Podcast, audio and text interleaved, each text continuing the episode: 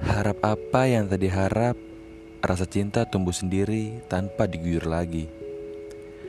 Berangan bisa memiliki diri tertawa sendiri. Nyatanya cinta harus dipaksa dari puisi sang pujangga seperti Rangga dan Cinta. Rasa perhatian mulai terisi, rasa-rasa mengalir lagi, seperti hidup tak melulu sendiri. Mengevakuasi hati mulai mencari tempat sendiri, tak kuasa menahan lagi untuk bisa pulih kembali.